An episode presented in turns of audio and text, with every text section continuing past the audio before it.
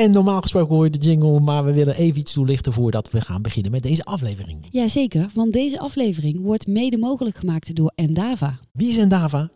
Endava is een eh, technology company. En die doen heel veel al in de paymentswereld. Precies, zo hebben zij het nieuwe acquiring platform voor WorldPay gebouwd. Ja, ze hebben aan Backbase gewerkt. En ze hebben het loyalty en app card programma van American Express gedaan. En ze hebben ook CCW geholpen. Veel luisterplezier. Doei! PSD3, Ideal 2.0, EP, SCA, EMV, AML. Het is duidelijk, de wereld staat niet stil. Iedere week wordt er wel iets nieuws aangekondigd op het gebied van payment, loyalty, identity en retail. Heb jij het overzicht nog? Gelukkig is er nu hulp. Nieuwe knikkers met Arlette Broeks en Gertje Rusk. Dus luister iedere twee weken en je bent er helemaal bij. Zo, hallo allemaal en welkom bij een nieuwe aflevering van Nieuwe Knikkers. De nieuwste voor 2022. Ja, precies. Het heeft even geduurd, maar eh, we zijn er weer. Gelukkig. Gelukkig. En we zijn ook nog eens een keer live bij een gast aanwezig. En we zijn vandaag te gast in Amsterdam in Spaces bij Hayakis, eh, de CEO van Hayakis, Adriaan Hoogduin. Yes, dankjewel. Hartstikke leuk om hier te zijn. Ja, leuk dat jij er bent, eindelijk bent. Want we hebben even, ja, even nou moeten uitkijken naar deze aflevering. Het heeft even moeten duren voordat we de agenda's aligned kregen, volgens mij. precies. Dat Ja, klopt. ja.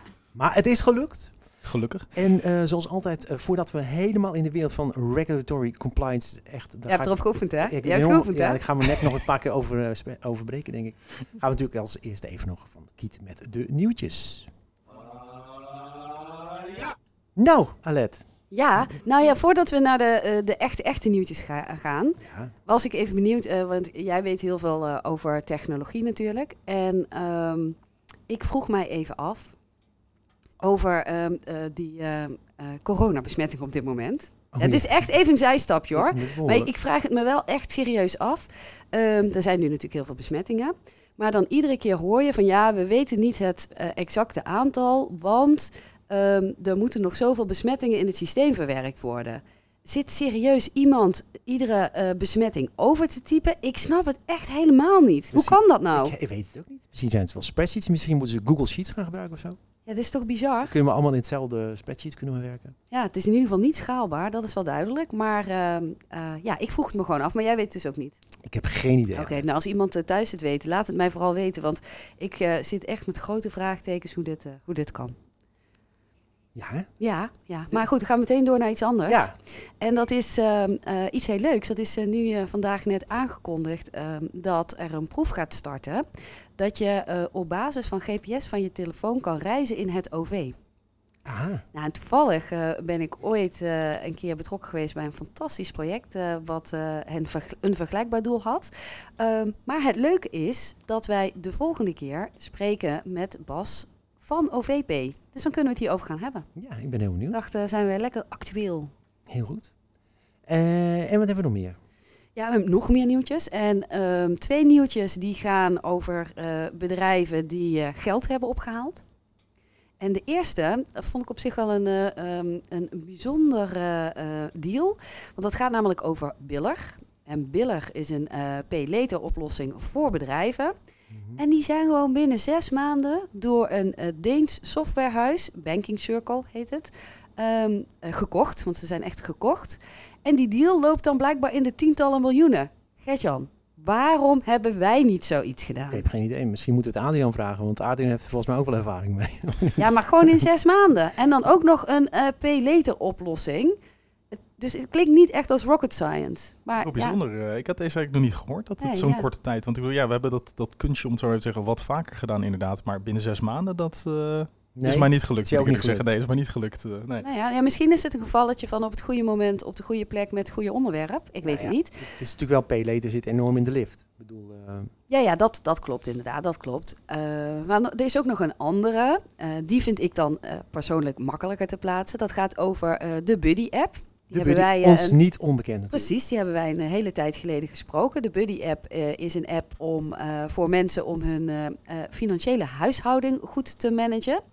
En eh, dan met name gericht op mensen eh, die dat wat moeilijker vinden. Mhm. En die hebben 2 miljoen opgehaald eh, bij En een verschillende En, een partijen. en een leuke lening. Ja, ja, ja, dus eh, onderdeel van die 2 miljoen is een lening van Rabo. Want ze, ze werkt al samen met de Rabobank. En ze hebben dan Informal Investors. En zij hebben 500k van het Social Impact Fonds Rotterdam gekregen. Dus zij gaan nou eh, lekker eh, eh, aan de slag met hun landelijke uitrol. En ik denk dat dat heel mooi is. Vond ik eigenlijk ook wel passen bij een berichtje wat ik vanmorgen las over de Volksbank. Dat de Volksbank met een campagne bezig is om mensen eerst eh, voor, voorop te stellen en dan het geld. Ja. En dat past hier eigenlijk wel heel goed bij. Tenminste de Buddy app. Dat ook Ja. veel jongeren eh, behoefte hebben aan eh, ja, eh, een stukje coaching op het gebied Ja, van... eh, precies. Nou ja, en dat is inderdaad dat, ehm, wat je zegt, Volksbank, een van de labels van de Volksbank, de SNS. mhm. Die gaat nu starten met wat zij noemen groeicoaches en ontmoetingsplekken. En dat doen ze dan specifiek voor jongere klanten. Eh, en wat eh, inderdaad, en wat jij zegt van eh, ehm, SNS, maar eigenlijk heel Volksbank, die promoot bankieren met de menselijke maat. En zij zeggen ook in hun, hun eigen persbericht: wij gaan ons nog meer verdiepen in de mens achter het geld. Door samen te kijken naar welke dromen en doelen er zijn. Mhm. Nou, dat klinkt allemaal supergoed. Er is dan alleen één dingetje waarvan ik denk dat matcht niet met elkaar. En dat is dat ehm, er dan in datzelfde bericht, het is een bericht eh, in het FD, dus delen we wel gewoon weer in, eh, in de show notes. Ehm, daar wordt dan wel gezegd van ja, maar de Volksbank worstelt wel met haar winstgevendheid. Dus Volksbank zelf zegt onze winstmarge mag nooit boven de 8% zijn. Dat vind ik dan logisch, want dan zeg je, want dan zijn we niet meer bezig met onze klanten, maar meer met onze eigen winst. Mhm. Uh, maar zij zitten nu op ehm, eh, tussen de 5 en 6 procent. En dan eh, de aandeelhouder, de staat, die wil dan graag deze bank voor een goede prijs naar de markt brengen. En dan denk ik weer van ja, maar dat botst dan toch met elkaar. Want dan zie je uiteindelijk, ja, dan uiteindelijk gaat het dan toch weer eh, om eh, winstmarge en eh, een goede prijs ervoor krijgen. Terwijl ehm, ja, als je zegt we gaan echt voor de klant en de menselijke maat. Natuurlijk eh, moet het dan niet verlieslatend zijn, maar dan hoef je dus toch ook niet ehm, de hoogste prijs eh, ervoor te krijgen. Nee, ik ben het met je eens. Ja. Maar ja, het zij zo, Alet. Ja, ja, maar ik blijf me daar, daarover verbazen. En misschien dat dat in de toekomst wel gaat veranderen. Hè? Dat er een nieuwe wind gaat waaien op, op dat vlak. Ja. Hey, en dan had je nog iets volgens mij. De iPhone als betaalterminal. Ja, maar daar weet jij veel meer van. Oh ja? Ja? Nou, daar ben ik even in aan het ingedoken. Dat heeft alles... nee, hoe het moet gaan werken, tenminste, het is een gerucht nog, hè, want Apple is helemaal niet met het product live. Het is niet nieuw overigens, want we hebben eh, niet lang geleden hebben we natuurlijk met, eh, met eh, Thea van Oosterhout gesproken van, Ja? eh, van CM. En die sprak al over een noodmaatregel die ze toen hebben uit de kast hebben moeten trekken op de Grand Prix van Zandvoort, waar het kassensysteem was uitgevallen. En toen kon je pinnen op een eh, Android-telefoon. Ja, want op Android kan dit al, hè? Ja. Eh, min of, ja, min of, maar dus de specs waren nog niet helemaal vrij- vrijgegeven door één VECO. Ik ga niet al te technisch worden, maar het heeft alles te maken met kots. Kots. Oh, Eh, Kots staat voor... Com, com, staat eh, voor commercial off the shelf eh, device, hè, zoals jouw iPhone. Oh is ja, een- fijn dat je het even uitlegt. En daar heeft eh, eigenlijk ehm, eh, daar is een PCI security standaard voor gemaakt, gepubliceerd, al in 2019. En dat gaat over contactless payments on kots. dat klinkt heel erg Oké, dus eh, Maar- contactloze betalingen op devices die je zo in de winkel koopt. Ja, exact. En dat is gewoon een PCI-standaard. En eh, daar, dat is waarschijnlijk de standaard waar Apple ook gewoon op gaat aansluiten. Alleen, het is heel grappig, als je al die Apple-voorraad dan leest, dan, dan doen ze net alsof Tim het allemaal zelf heeft uitgevonden. Oh ja, ja. Maar het zijn dan gewoon allemaal bestaande standaarden die alleen door Apple worden geïmplementeerd. Ja, ja. Overigens net als Apple Pay natuurlijk, wat gewoon gebaseerd is op een EMV contactloos betalen standaard. Ja, het enige waar ik dan wel benieuwd naar ben is of eh, Apple dan wel een rol gaat spelen in eh tarifering. Nou ja, dat is wel inderdaad een puntje. Eh, dus gaan ze het vrijgeven, kan je straks als leverancier bijvoorbeeld zelf eh, een app maken eh, die dat kan doen. Hè, Ja, waarbij je ja. gewoon toegang hebt tot, tot de NFC-chip, want dat is natuurlijk een vereiste. Want wat namelijk niet mag met deze standaards, is je mag nooit een software-based een, een PIN invoeren. Dus het is alleen, het, gaat, het, is, Oh, ja, ja. het, het staat echt voor contactless payments. Dus je kunt eigenlijk alleen maar contactloos betalen met je bankpas. Ja, in Nederland dan tot 25? Ah, nee, dat is met verhoogd, 50 hè, nu, hè? 50. 50, ja. Of eh, Google Pay, Apple Pay, Ja, contactloos met met, je telefoon. met je smartphone. Ja. En, maar ja, als, als dat open is, dat zou natuurlijk wel heel mooi zijn. Want je hebt nu eh, natuurlijk banken, eh, zoals Rabobank, die heeft Rabo Smart Pin. Dat is een apart kastje. Ja, En het is natuurlijk wel heel mooi als je dan als kleinere ondernemer je Rabo-app kan gebruiken daarvoor. Ja, Dat zou wel dus- mooi zijn. ja, en eh, de, de sum-ups en al die partijen die van die, van die plastic apparaatjes hebben, ja, dat is, gaat gewoon verdwijnen natuurlijk. Ja. Want ik denk dat je letterlijk gewoon de sum-up app kan downloaden. Je doet de onboarding, je gebruikt regulatory compliance van Hayakus. ja, en je bent aan boord. Nou, Ja, wat, ik, ja, wat ik wel leuk vind is dat ik zelf woon dus primair in Litouwen. Hè. Dus ongeveer 70% van mijn tijd zit ik daar ergens in het voormalige Oostblok. Hè. Zo wordt dan hier een beetje in Nederland gezien. En Ja. het leuke daar is dat je dus zeg maar dit soort eh, problemen, om het zo maar even te zeggen, van de, de remmende voorsprong eigenlijk niet hebt. Dus met name in dit soort betaalmiddelen zijn ze heel erg eh, adoptief. Bedoel ik ermee dat ze in de early stage heel makkelijk dit soort technologie omarmen omdat er niet allerlei vested interests zijn rondom zeg maar hetgeen wat er al is aan netwerk of vergunningenstelsel of wat dan ook. Dus ik heb vier jaar geleden in eh Kaunas, de tweede stad van land, een koffiebar geopend. En daar was dit gewoon ook al de norm. Hè? Dat je dus bij de bank gewoon weg een eh, aanvraag kan doen voor het beschikbaar stellen van een app. Die wordt dan netjes gekoppeld aan je zakelijke account en aan je eh, payment terminal. En vervolgens voldoe je dan zo aan de wetgeving in, in Litouwen, waarbij je dus dat allemaal aan je centrale betaalsysteem moet koppelen. En het komt gewoon allemaal netjes op je zakelijke rekening binnen, waardoor ook de belasting natuurlijk dan netjes wordt afgedragen. Maar vier jaar geleden was dat gewoon al de standaard eigenlijk ook. eh, met name dus wat jij ook al zei voor de kleine ondernemer. Die dus niet de, de wens heeft om een heel betaalapparaat, een heel betaalsysteem eh, op te tuigen. Dus eh, grappig. Ja. ja. heel grappig. Heel grappig. En hoe, eh, ehm, hoe zie je dan dat consumenten betalen daar?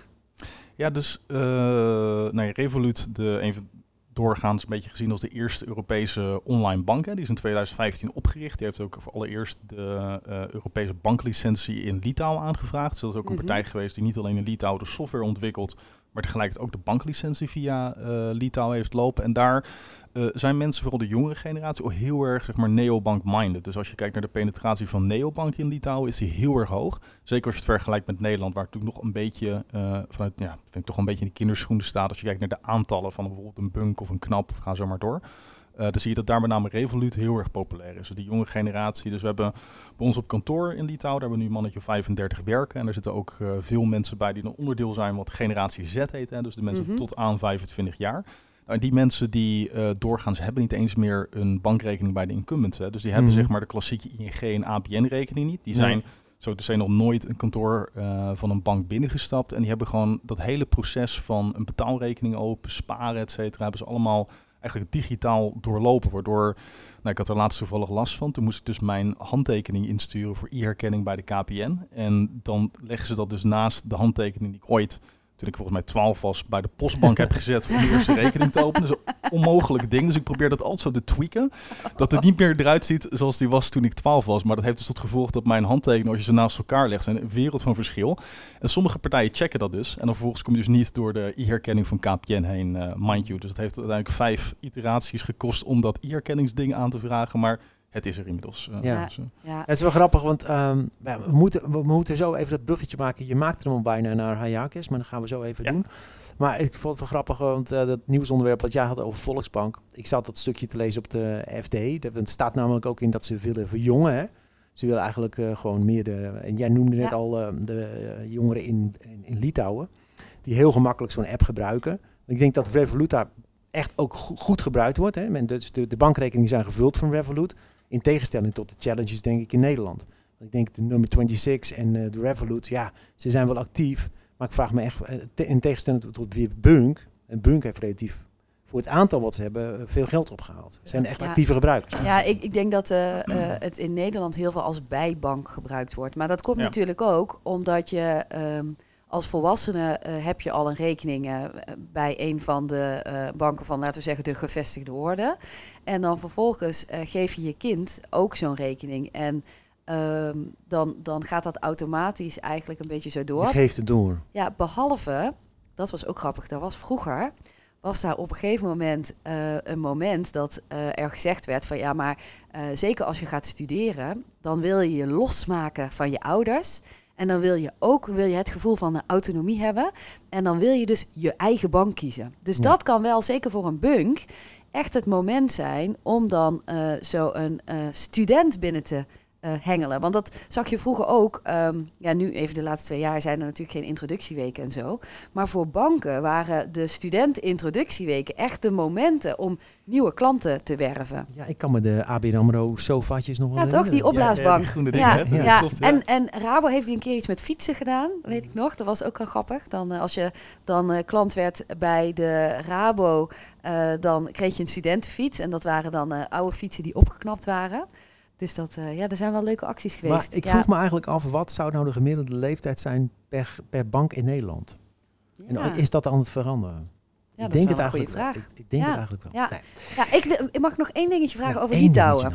En dat is, ehm, want ja, zeker als je jonger bent en je bent op zoek naar eh, betaalproducten, dat is vrij makkelijk online dan te regelen, zeker bij zo'n neobank.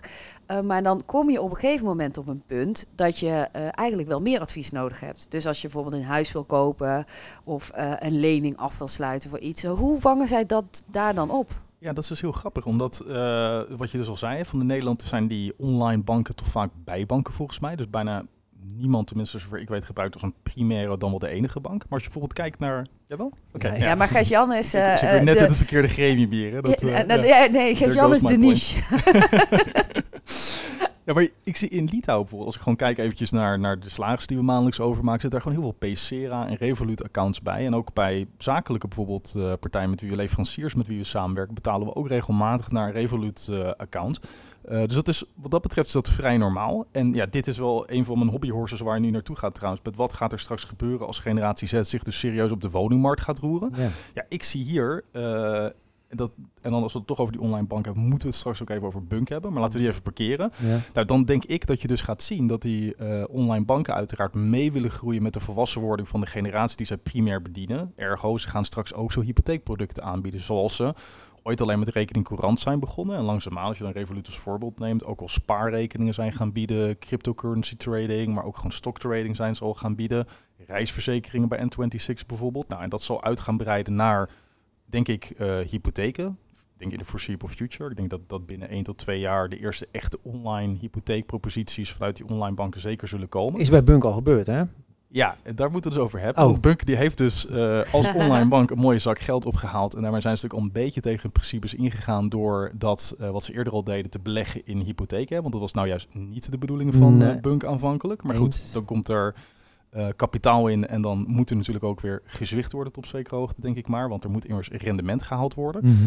Het nadeel als de overheid geen, eh, geen eigenaar is van de bank, denk ik dan. Ja. Maar eh, ja, wat schept mijn verbazing eigenlijk? Dat zij natuurlijk gekozen hebben om het gewoon via het traditionele distributiekanaal, via een goede, maar desalniettemin traditionele partij in de markt te zetten. Mhm. Met er ook weer traditionele servicing achter. Terwijl ik dus had gedacht van, nou, ja, als dat dit dan gaat gebeuren, en 26 is een van die banken die zich oriënteert op een hypotheekproduct in de Nederlandse markt. Ehm, en ik dacht dus van nou, als dat gaat gebeuren, dan moet dat ook een pareltje worden onder de execution-only eh hypotheken. Waarbij je natuurlijk een investering doet in de toekomst. Want die execution-only rate, hè, dat mensen dat volledig zelfstandig online afsluiten, ligt nu ergens rondom de 3% in Nederland. Ja, mijn gevoel was geweest van nou, dat gaat niet in de komende jaren, zeker zolang die fiscaliteit erop zit op die hypotheek, niet heel snel groeien. Maar ik had toch wel de gedachte dat daarin op basis van een visie zo'n online bank zou instappen. En als je dan over visie hebt, dan vind ik ook een van de interessante onderwerpen. Als je kijkt naar de jonge generatie en kijkt naar de mensen die bij ons werken bijvoorbeeld, dan zie je dat ook de hele vermogenssituatie verandert van die mensen. Hè. Dus nu groeien mensen op en als ze geluk hebben, dan krijgen ze een jubelton mee en dan hebben ze een beetje spaargeld op de bank staan. Eh, als je dan heel slim bent, dan leen je maximaal bij de, eh, bij de duo en dan trek je meer rente op de bank, eh, zoals we dat vroeger dan in mijn tijd als student nog Ja. deden, dan dat je hoefde te betalen aan studieschuld. Maar mensen groeien nu op in een periode van negatieve rentes. Dus het is eigenlijk een verlies om je geld te laten staan. Mensen zijn, of in ieder geval beleggen online is veel toegankelijker geworden. Met hele toegankelijke apps als eToro en you name it. Dus je ziet vervolgens dat mensen veel makkelijker die stap maken naar eh, aandelenhandel. En dat mensen veel makkelijker ook in crypto's beleggen. Er komen daar ook nog NFT's bij. En Mhm. vervolgens denk ik dus, als je over tien jaar kijkt, dus de, de, de kids die nu 16 zijn en laten we zeggen over tien jaar gaan ze hun eerste huis aankopen. Ik denk dat die met een lege spaarrekening komen, maar misschien met een goed gevulde crypto wallet, met een eh, NFT of twee wellicht die ze in bezit hebben. En dan is de vraag, ja, hoe ga je daar dan mee om? Hè? De eerste crypto-hypotheek is een maand of twee geleden gelanceerd in de VS. Eh, ik had eigenlijk wel gewild dat zo'n neobank je zich hierop al gepositioneerd zou hebben om gewoon een radicaal ander product Mhm. met een forward-thinking vision eigenlijk neer te zetten voor een generatie die nu nog lang niet op de huizenmarkt is. Dat had ik interessant gevonden. Ja. Ja, Maar ja, maar misschien is het te vroeg.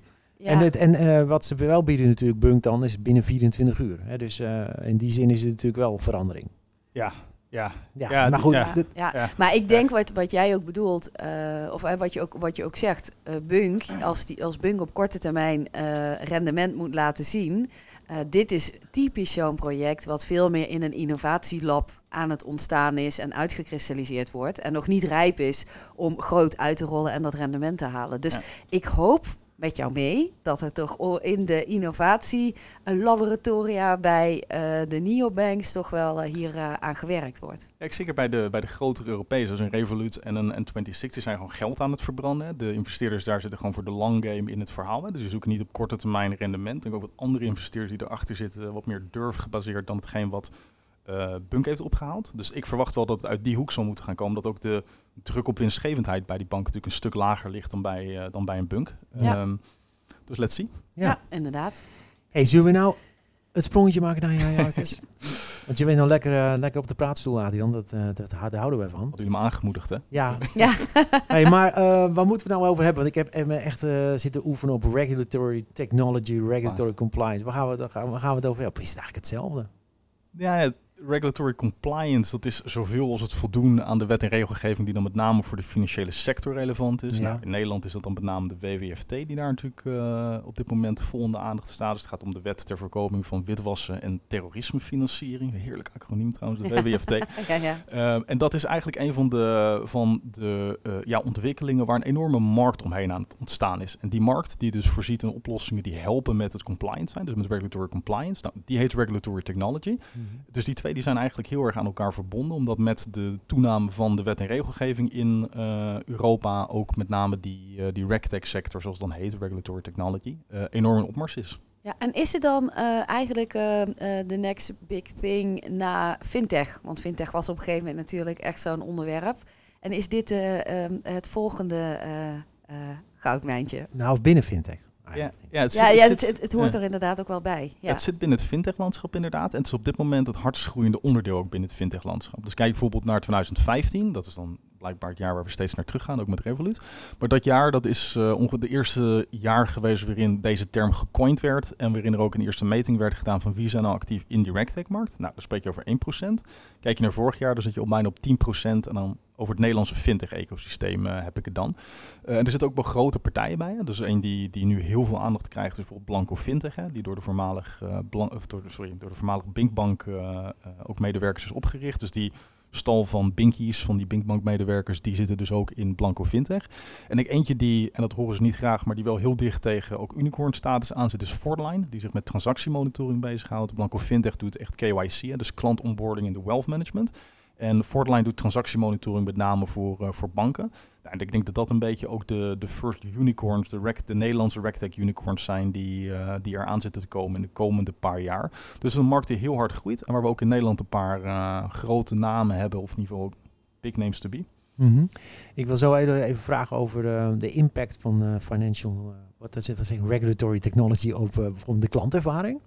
Maar wat ik ook, eh, wat ik je nou eigenlijk hoor zeggen, wat, wat, wat, ik gelijk aan moet denken is, de banken zijn enorm vanwege hun poortwachtersfunctie, hebben blikken vol met compliance mensen hebben ze naar binnen gehaald.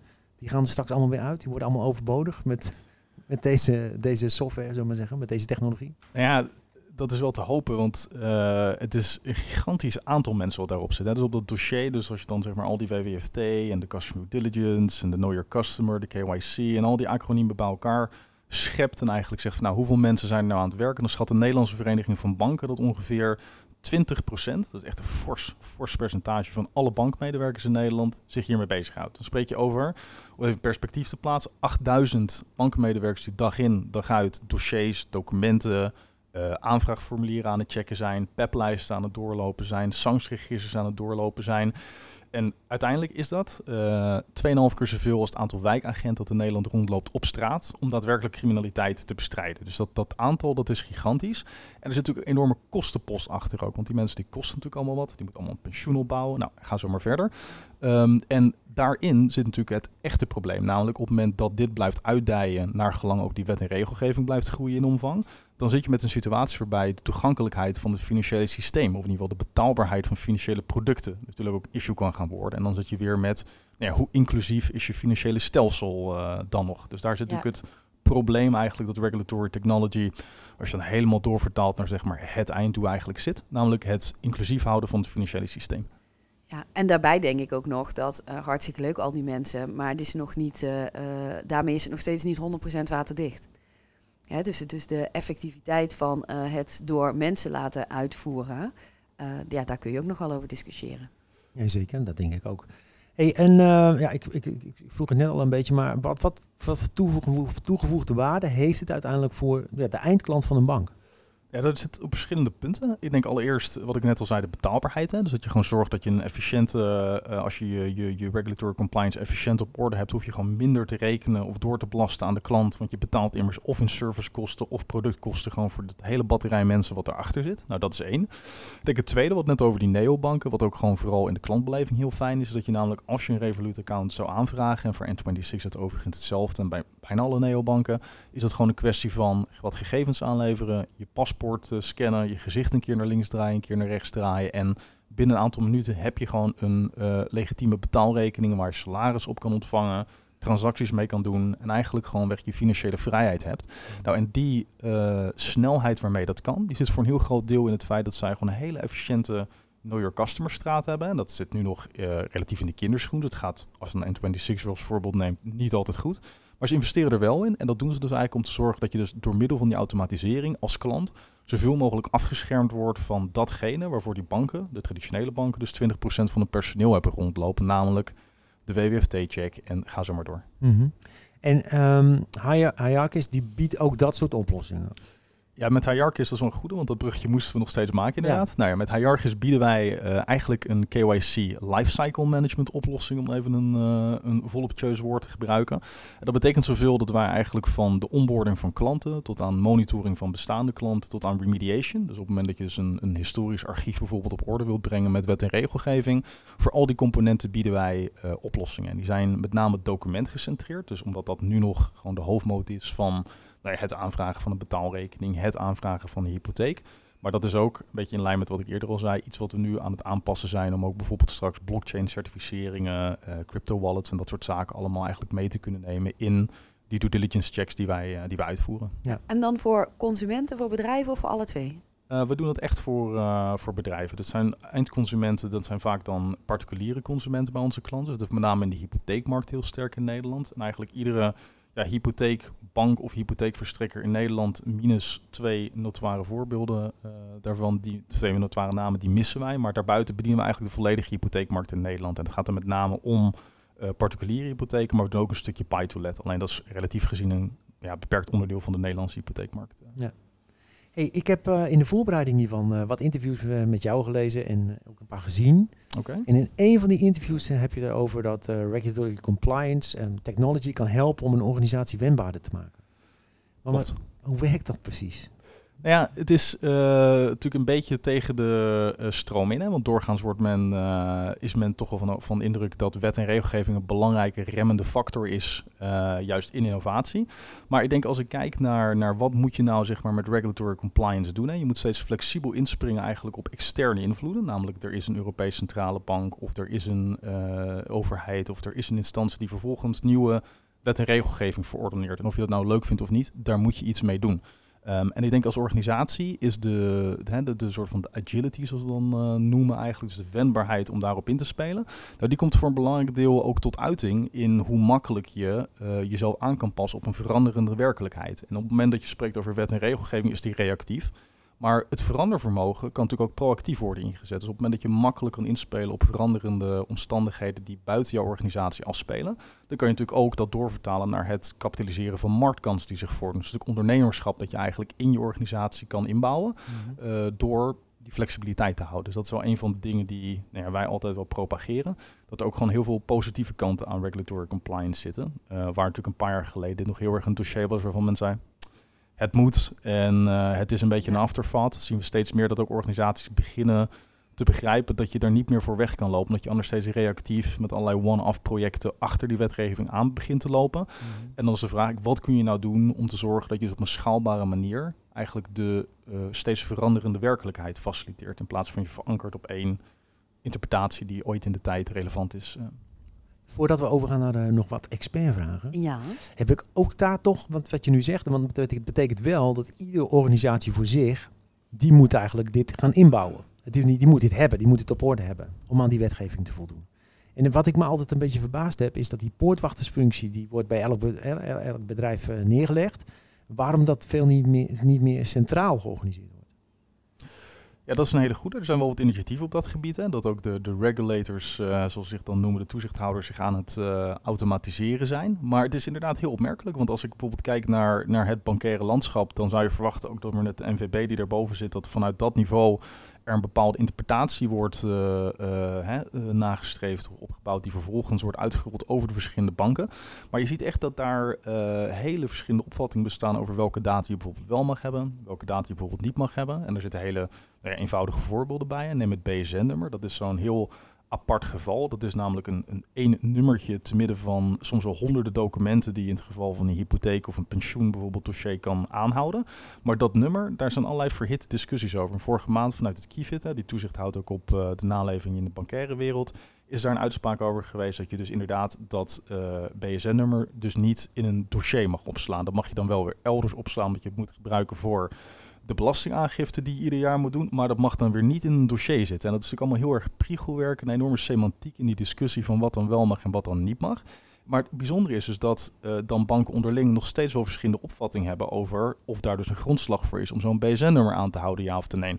Eh, dus die discussie die, die, die loopt ook heel erg lang. Eh, en dat is denk ik ook wel logisch, omdat je natuurlijk toch altijd een beetje leunt naar een interpretatie die eh, ja, het minst mogelijk werk oplevert. En als jij nou eh, in de afgelopen 40 jaar netjes een aantal honderdduizend hypotheekdossiers hebt zitten opbouwen. En er zitten ook nog medische stukken in, zoals eh, bijvoorbeeld een jaar of 20, 30 geleden gebruikelijk was. Ja, Oké. Eh, ja, en dan hebben wij natuurlijk ook nog vragen van eh, onze experts bij eh, Endava. en we hebben een nieuwe. We hebben een nieuwe een expert. nieuwe expert. Ja, Peter heet hij. Peter Teunis. En eh, Peter vroeg zich af, en ik eh, deel die vraag eigenlijk ook wel met hem. Is er nou een minimum wat je nodig hebt om eh, de regulatory compliance te automatiseren? Kun je alles zomaar automatiseren? Is er een minimum dat je nodig hebt? Ja, aan data. welke- ja, dat is heel erg belangrijk. Ja, dus de data, daar, hoe meer je daarvan hebt, natuurlijk hoe beter en hoe betrouwbaarder de, want het zijn vaak algoritmen die dit soort bijvoorbeeld eh, afwijkende transacties herkennen, of die bijvoorbeeld eh, her, bepaalde datapunten uit ongestructureerde documenten kunnen, kunnen extraheren. En daarvoor, hoe meer data je hebt, hoe betrouwbaarder het wordt. Ehm, en dan moet je ook heel verschillende datasets voor hebben. Dat is ook heel belangrijk. Dus bijvoorbeeld als ik kijk naar hoe wij zelf ons algoritme trainen. Even denken, hoe technisch willen we worden? Nee, je mag lekker technisch. Lekker technisch? Ja, Oké, nee. ja. Als we niet snappen, dan stellen we gewoon vragen. ja, dit, dit vind ik dus dit is wel een beetje mijn hobbyhorse ook trouwens. Omdat wat we, je, volgens mij heb je dus verschillende typen algoritmes. Je hebt zeg maar een binair algoritme, wat dus bijvoorbeeld een ja-nee antwoord teruggeeft. Dus bijvoorbeeld je biedt een document aan, om even klassificatie te gebruiken. En dan vervolgens antwoordt het, is dit een identiteitsbewijs? Ja of te nee? Ehm, en daar zijn maar twee smaken in. Maar wat wij doen met ons algoritme, dus wij hebben een zogenaamd majority voting ensemble.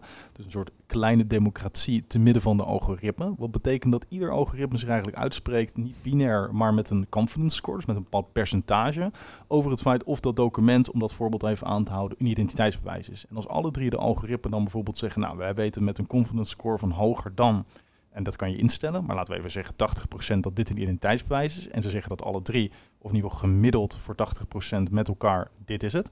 Nou, dan nemen wij dat voor waar aan. Dus eh, daarin heb je natuurlijk te maken met het feit dat je zo'n model traint ook op de kwaliteit. Hè? Dus stel je doet dat op allemaal nieuw binnenkomende scans eh, van de laatste twee jaar. Nou, dan gaat dat niet werken op het moment dat je een oud eh, ingescand archief op de eerste generatie scanapparaten uit een fysiek archief ergens bij een Iron Mountain eh, trekt. Daar ga je weer heel andere resultaten op halen. Dus dan moet je ook weer op dat soort kwaliteit van documenten moet je dan vervolgens ook weer trainen. Dus data is echt key. En het is heel belangrijk dat je dus een goede set aan historische eh, data hebt, die dus niet zeg maar, een bias kunnen creëren in het systeem. En tegelijkertijd ook dat je meerdere algoritmen hebt die eh, tegelijkertijd iets zeggen, zodat je dus niet van een ja of een nee afhangt om de betrouwbaarheid te vergroten. Ja, En dat, dat trainen, hè, want je zegt we trainen die algoritmes, dat doe je dan eigenlijk met die dataset die je hebt. Dus die haal leuk, hè? Alsof het een soort hondje is eh, wat je trucjes leert. Ja, ja, ja, Maar het is, nee, eh, ja, maar zo die, ja, die beetje. haal je er dan doorheen om Martin inderdaad te kijken Ja. van... Ja, het is dus inderdaad supervised learning. Dus dat betekent dat je dus een uh, uiteindelijk data scientist in ons geval hebt, die dan zeg maar het trainingsproces overziet. Uh, en dat is output-based. Dus vervolgens gooi je er zeg maar een stel documenten in. Uh, maar dat kunnen ook datapunten zijn of andere zaken. En als je die dan vervolgens er doorheen draait, dan komt daar een bepaalde uitkomst uit. Ja, en dan hebben we dus mensen zitten, uh, dat is niet het leukste werk, die moeten die data gaan zitten labelen. Dus vervolgens zeggen, ja, maar wacht eens even, je hebt niet alle gegevens eruit gehad. Kijk, dat bruto salaris had eruit gemoeten en dat BSN-nummer had ook meegemoeten. En dan gaat de mensen letterlijk die data te markeren en dan runnen ze het nog een keer doorheen, totdat zeg maar de confidence score hoog genoeg is. Maar dat doe je dus niet één keer, dat doe je ook niet tien keer, dat doe je ook niet honderd keer. Die mensen zitten dus gewoon zeg maar dat te labelen met duizenden tegelijkertijd. En dat is ook wel grappig, omdat het zo'n saai werk is. Dat natuurlijk ook daarin natuurlijk weer ook weer allerlei inaccuraatheid insluipt. Want ja, hoe leuk is het nou om de hele dag duizend documenten te gaan zitten labelen? Dus hebben ze ook wel gamification in aangebracht. Dat je dus volgens games hebt die het leuk maken. Om dus, zeg maar, een beetje Duolingo. Hè, dat je dus vervolgens de L kan aankleden met allemaal nieuwe pakjes. op het moment dat je een bepaalde level unlockt in je, in je, in je taalbeheersing. Zo geldt het ook voor de, voor het labeling van data. Ja, mooi, mooi. Hey, en dan nog een andere vraag uh, van uh, Peter, de expert. En dat gaat over um, als nou een partij um, software inzet voor de geautomatiseerde compliance checks, hoe um, verzeker je dat dan?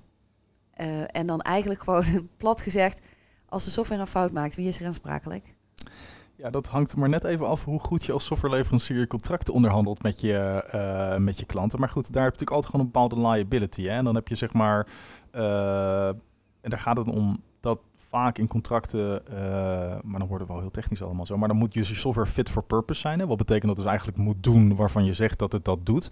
Ja, dan hangt het er maar net vanaf van welke bijvoorbeeld uh, specifieke uh, gradaties je daaraan hangt. Dus meestal zie je dat je met dit soort partijen, dus banken in, in de grote master agreement zit, waarin die liability dan zit op de fit for purpose met name.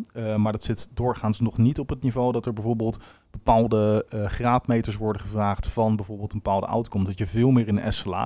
En op het moment dat dat dus niet goed gaat, dat je veel meer in een SLA breach. Uh, dan dat je dus zeg maar niet de fit for purpose levert. Dat dan meestal zeg maar de liability clause in dat soort contracten is.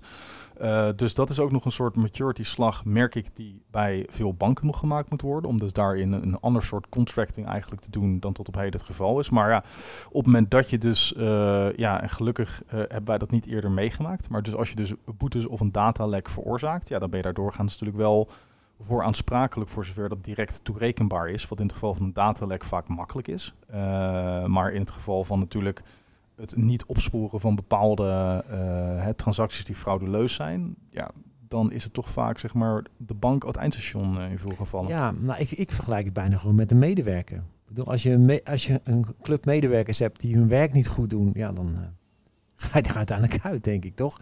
Dus uh, als, je, als je software binnenhaalt die dezelfde controles moeten doen, dan zou ik bijna zeggen, ja, dan moet je daar de, de, bijna een, uh, hoe zeg ik dat?